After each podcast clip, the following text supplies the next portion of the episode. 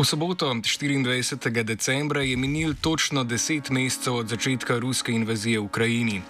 Do danes je bilo razseljenih približno 8 milijonov ljudi znotraj Ukrajine, dodatnih 7,9 milijonov pa je prebegnilo v tujino.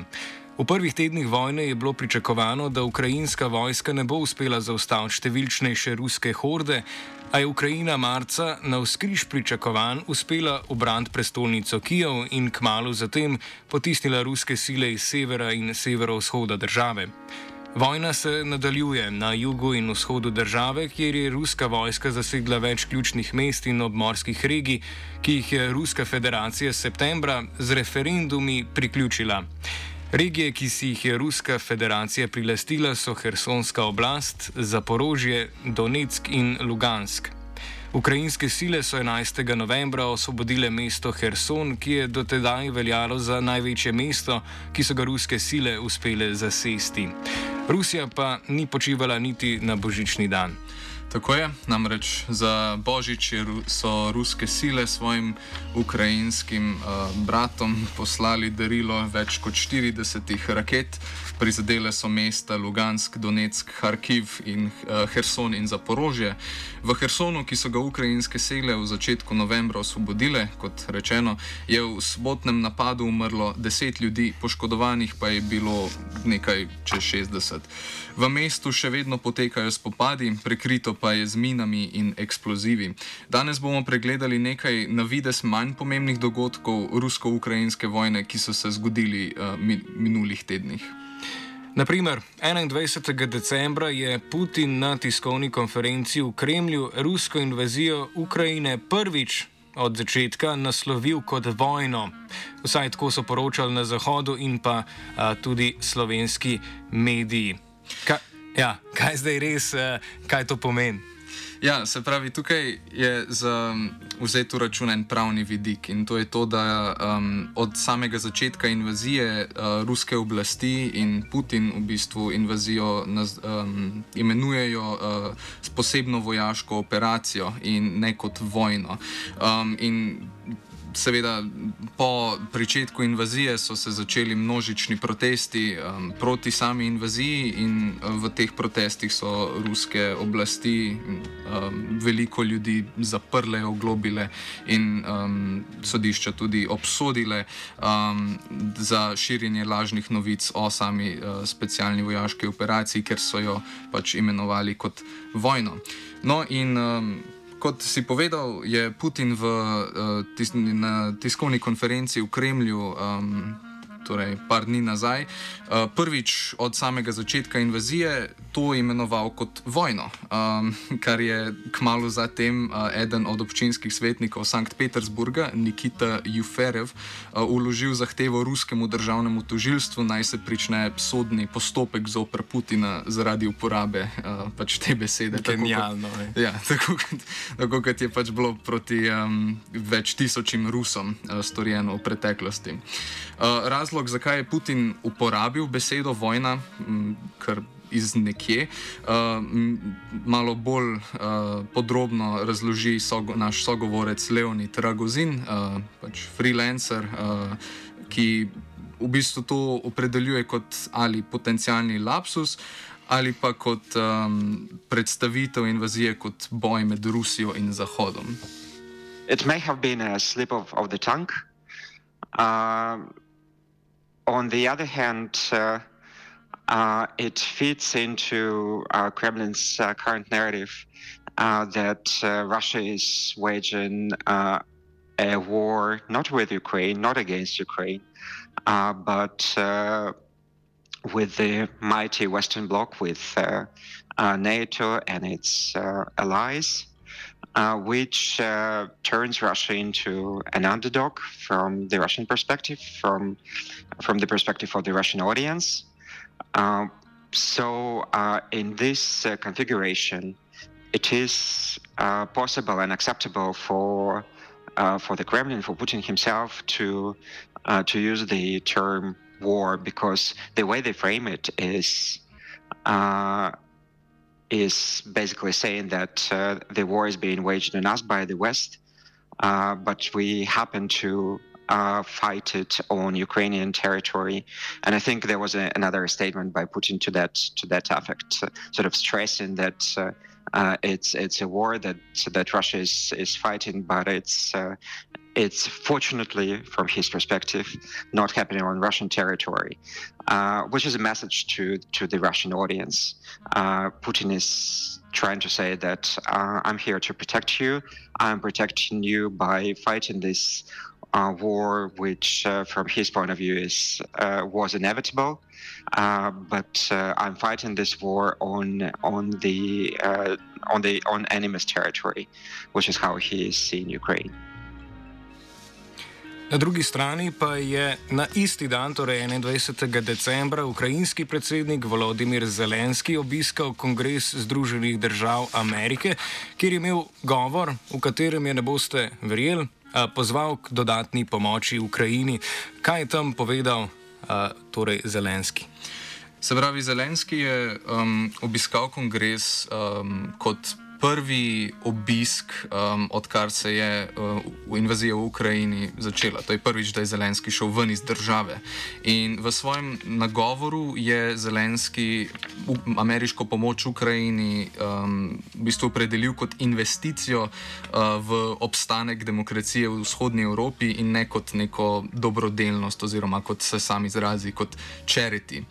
Um, njegov obisk um, je prvič, um, ja, mislim, kot prv, prvotno je v bistvu zahvala uh, Ameriki za njihovo materialno pomoč, uh, kot drugo je pa tudi um, neke vrste lobiranje. Uh, namreč na, uh, v ameriških um, kongresnih volitvah letos so republikanci dosegli večino v predstavniškem domu in mnogo uh, poslancev iz vrst republikanske stranke je izrazilo v bistvu skepticizem do tega, da bi še naprej um, Amerika um, pošiljala orožje in materialno pomoč v Ukrajino. No, in v bistvu pomen Zelenskijevega govora in obiska za nas tudi opredeli urednik uh, BNE in Telenews Ben Aris. The whole point of Zelensky's, you know, historic speech in Congress last week was to rally not just the American people, but in all uh, specifically, um, he had a message there for the Republicans because those on the right in the states are sort of wavering. They're starting to ask, why are we spending all this money? This is not our war. And so he went there again with a very carefully crafted message um, in order to rally the American people in general, and I think the Republicans in particular, to continue to fund and supply Ukraine. Stvari so se pa malce spremenile, namreč zadnji mesec lahko beremo poročila o ukrajinskih napadih v notranjosti ruskega ozemlja.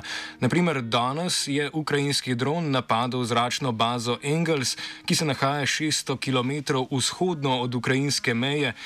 Tam so umrli trije, Rusi so potem tudi sestrelili dron, ki je napadel bazo. Ja, te ukrajinski droni sami po sebi ne morejo uničiti kritične infrastrukture in ne morejo doseči neši, nekih višjih premikov v tej vojni, ampak lahko pa vseeno z manjšimi takimi napadi dosežejo uh, bistvo. Zahod, Zahod Ukrajini dobavlja le defenzivno orožje, ne pa tudi napadalnega, um, o katerem o tem nam več pove Ben Aris.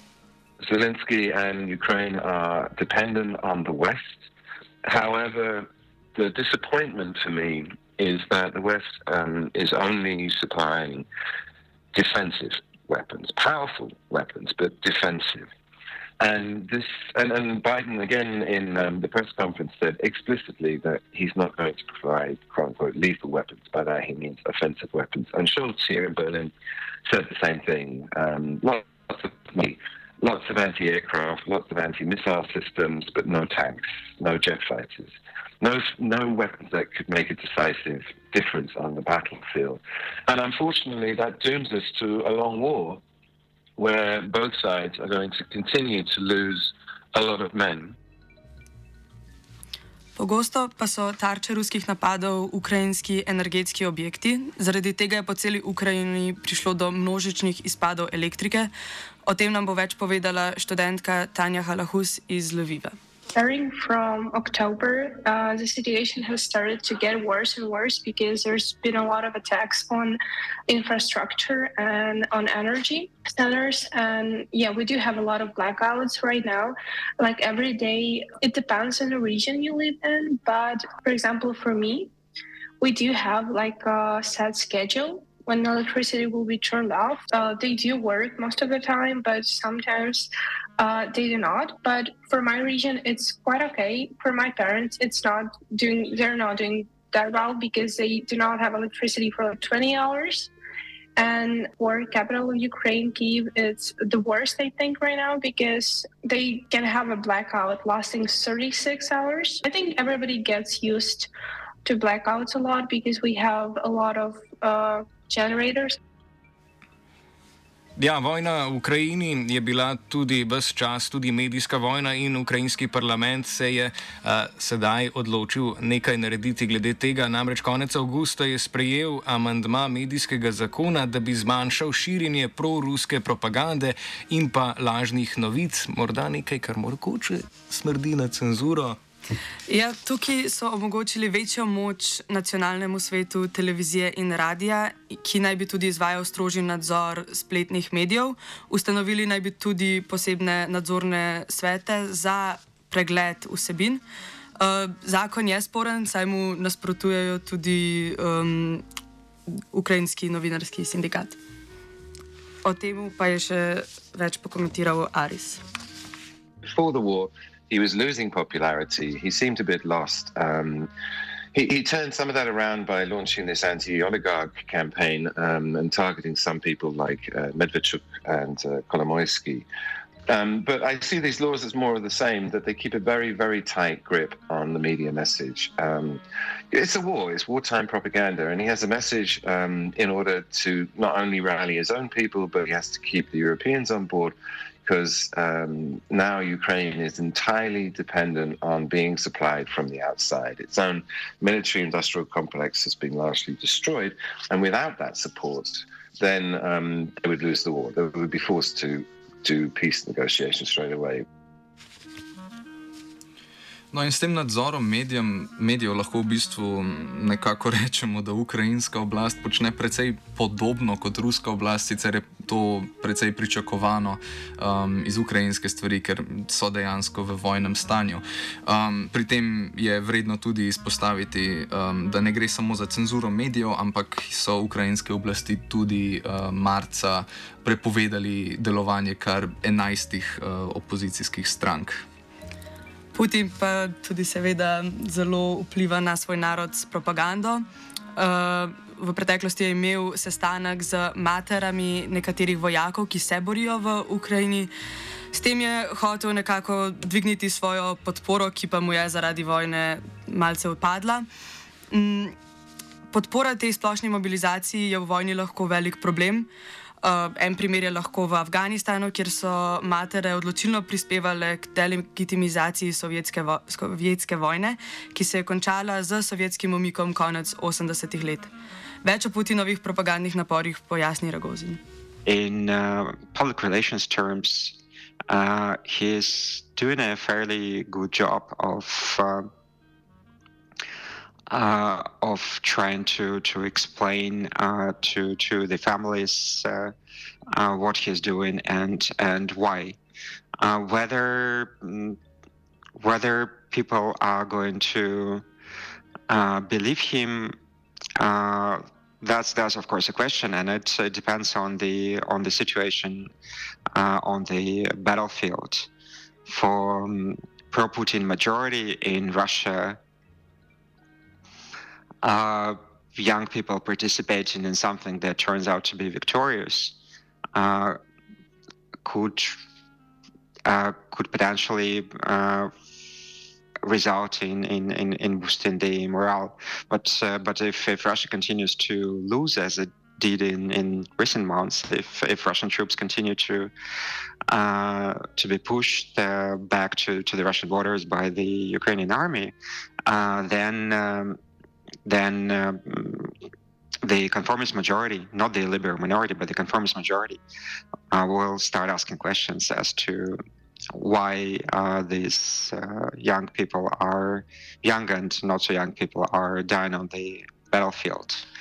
Uh, so that there could be a situation similar to uh, Afghan war in the end of the 1980s when uh, broad when waves of society were asking the government uh, why this war is necessary and what uh, uh, what the young men are doing in the foreign land. Zaradi močnega upora ukrajinskih sil je Putin konec septembra začel z delno mobilizacijo.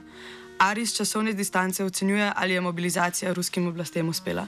The mobilization in September uh, has proven to be uh, effective. I mean, it did what it was what was needed because Russians were Russian forces were having a serious manpower problem, and they were too thinly spread, um, and that was evidenced by the um, the effectiveness of the Kharkiv uh, offensive, where They'd um, moved so many troops from the Donbass um, to Kherson, where the main uh, thrust of the counteroffensive was expected, so that when Ukraine actually hit Kharkiv and the lines there, um, they were under defended, and the um, Ukrainian military went through the Russian defenses like a hot knife through butter and produced that stunning defeat and retreat. Um, but since then, the new general, Sorokin, Sorokin um, what he's done is he made a strategic withdrawal from Kherson. And there were some 20 or 30 battle groups in Kherson, and some of the best ones. And he redeployed them on the uh, left side of the, the, the, the Dnieper and reinforced uh, those positions. He's reinforced the positions in Donbass. He's now been digging in and creating multi layered defense lines. Moreover, they've taken whatever it is around of the 300,000. I've seen reports that they've put 180 uh, into defensive positions in Donbass in particular. But he's also created a reserve of 120. And what that means is that they're now able to rotate troops um, in and out of the front line to keep them fresh, which was also missing before because they committed pretty much all of their forces. 80% of their forces were committed to the fight and they had very little in reserve. Spremembe v organizaciji vojske se dogajajo tudi na ruski strani. V sredo je namreč ob, ruski obramni minister Sergej Šojgu proglasil obširno strukturno reformo znotraj ruske vojske. Kaj ta spreminja? Ja, med drugim ta reforma v bistvu poveča število stalnih vojakov za skoraj pol milijona, 490 eh, tisoč.